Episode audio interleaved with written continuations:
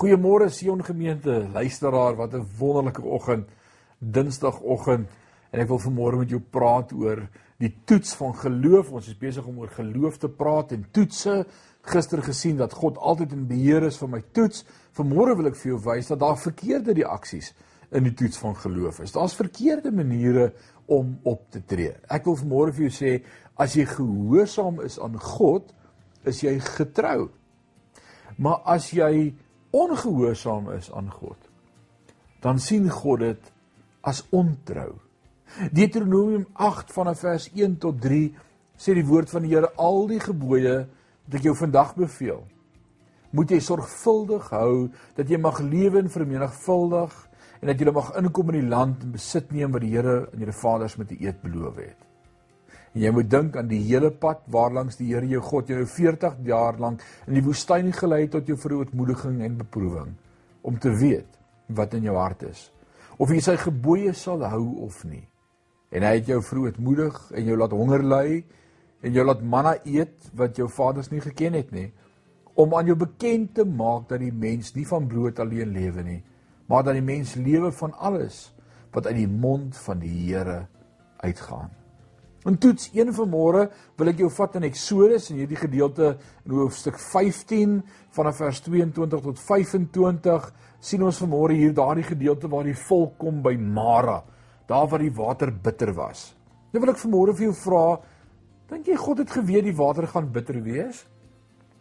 Ek wil sê ja. Ek wil nog 'n vraag vra. Kon hy dit soet gemaak het voordat die volk daar gekom het?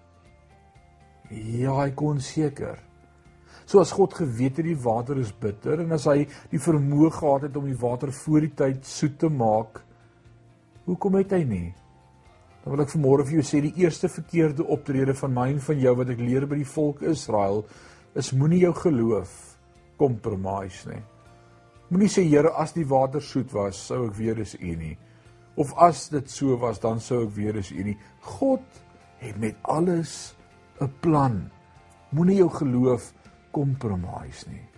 In die tweede toets van Eksodus 16 vers 1 tot 4 en ook vers 13 weer die volk van die Here en nou sien ons hulle murmureer in die woestyn omtrent hulle omstandighede. Hulle wil terug gaan Egipte toe. Is God in beheer? Ja. Het God 'n plan met Israel? O ja. Is God besig om hulle na die beloofde land te lei? Ja, hy het 'n groter plan, maar wat doen die Israeliete in die woestyn. Hulle murmureer. Wat doen ek en jy hier in lockdown? O, ons murmureer. Mag die Here ons help want dit is 'n verkeerde optrede om te murmureer in die toets. Vermoor die derde verkeerde optrede uh, is die volgende ding wat gebeur het in Eksodus 17 vers 1 tot 7 weer die volk en nou begin hulle kritiek uitspreek teen die mense in beheer. Hulle begin nou vir Moses kritiseer. Weet jy dis die volgende ding wat gebeur? Ons kritiseer ons landsleiers.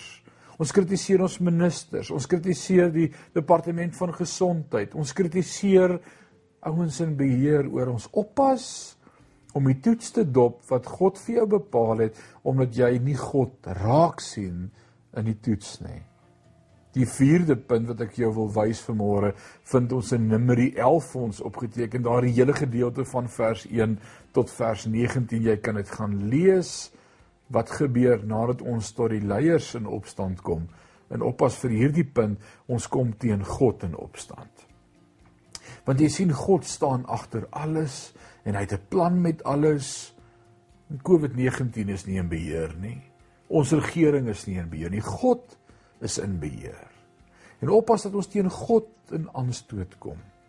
Want dan kom die gevaarlike ding in hierdie tyd en dit vind ek ook in Numeri 13 vanaf vers 32 en dit gaan oor in Numeri 14 gaan kyk ons in die volk se optrede.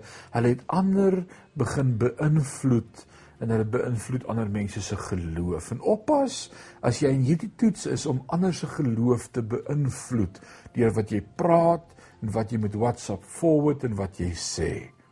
Kom ons wees vanoggend eerlik. Hoekom kla gelowiges oor hulle omstandighede?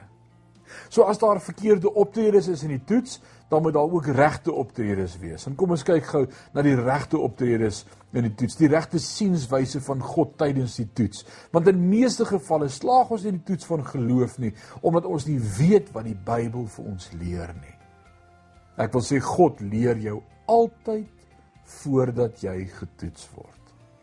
Alles wat voor die toets met jou gebeur, is 'n leerskool vir jou sodat jy kan weet dat God in alles vertrou kan word. Ons kan in God glo omdat sy leefwyse en geskiedenis sonder foute is.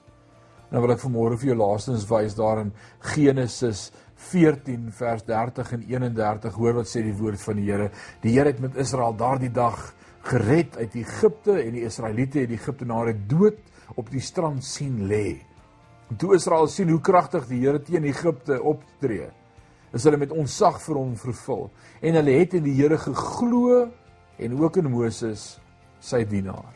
Jy sien voordat God die volk uitvat in die woestyn in, wys hy vir hulle sy hand en die woord sê dat dit in hom geglo. En ek wil vir jou sê in hierdie toets waardeur ek en jy gaan, is dit wat God wil hê by my en by jou. Onwrikbare geloof dat hy in beheer is.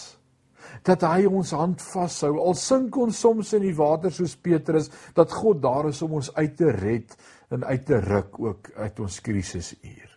Dat al is lockdown 'n maand langer dit oukei okay is want God is in beheer en God stap 'n pad met my en God sal voorsien ver bo kan dit wat ek kan bid of dink kom ons aan dink dan vanmôre aan die verbond wat God met sy volk gemaak het Want tussen die toets en die sodes en die toets en Numeri kom God met 'n verbond en hy maak 'n verbond met Israel.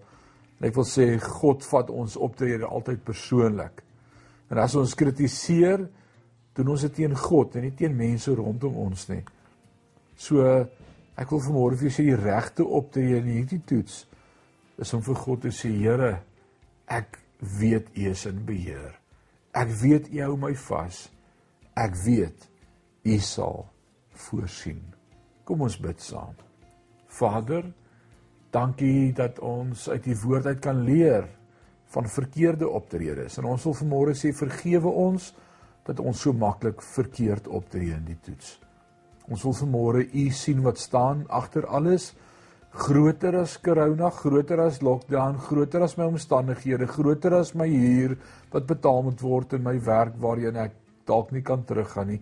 U is God. My geloof is nie in al hierdie ander dinge nie, maar my geloof is in U dat U God is en my vashou in die holte van U hand. Dankie dat U sal voorsien. Dankie dat U my dra in hierdie dag. Dankie vir alles wat ons ontvang uit U hand uit. In Jesus naam. Amen.